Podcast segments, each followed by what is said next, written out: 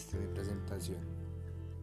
Hoy el COVID-19 nos hace ver los días grises, porque tal vez pensamos que todo se acaba, porque todo cambió. Pero en realidad esto es así. Pongámonos a pensar que si esto ha llegado es para mejorar cosas en nuestro interior. Pensamos que este virus nos ha derrotado, pero no.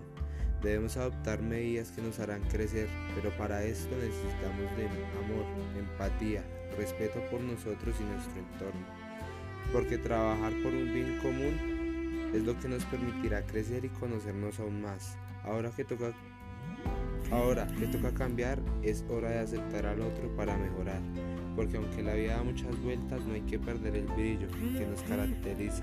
Recuerda que en los malos tiempos aparecen personas buenas, que nos vuelven a llenar de ilusiones y perseverancia para lograr nuevos proyectos y logros en la vida. Ten fe que aunque el COVID nos hizo cambiar nuestro estilo de día, volveremos a encontrar la luz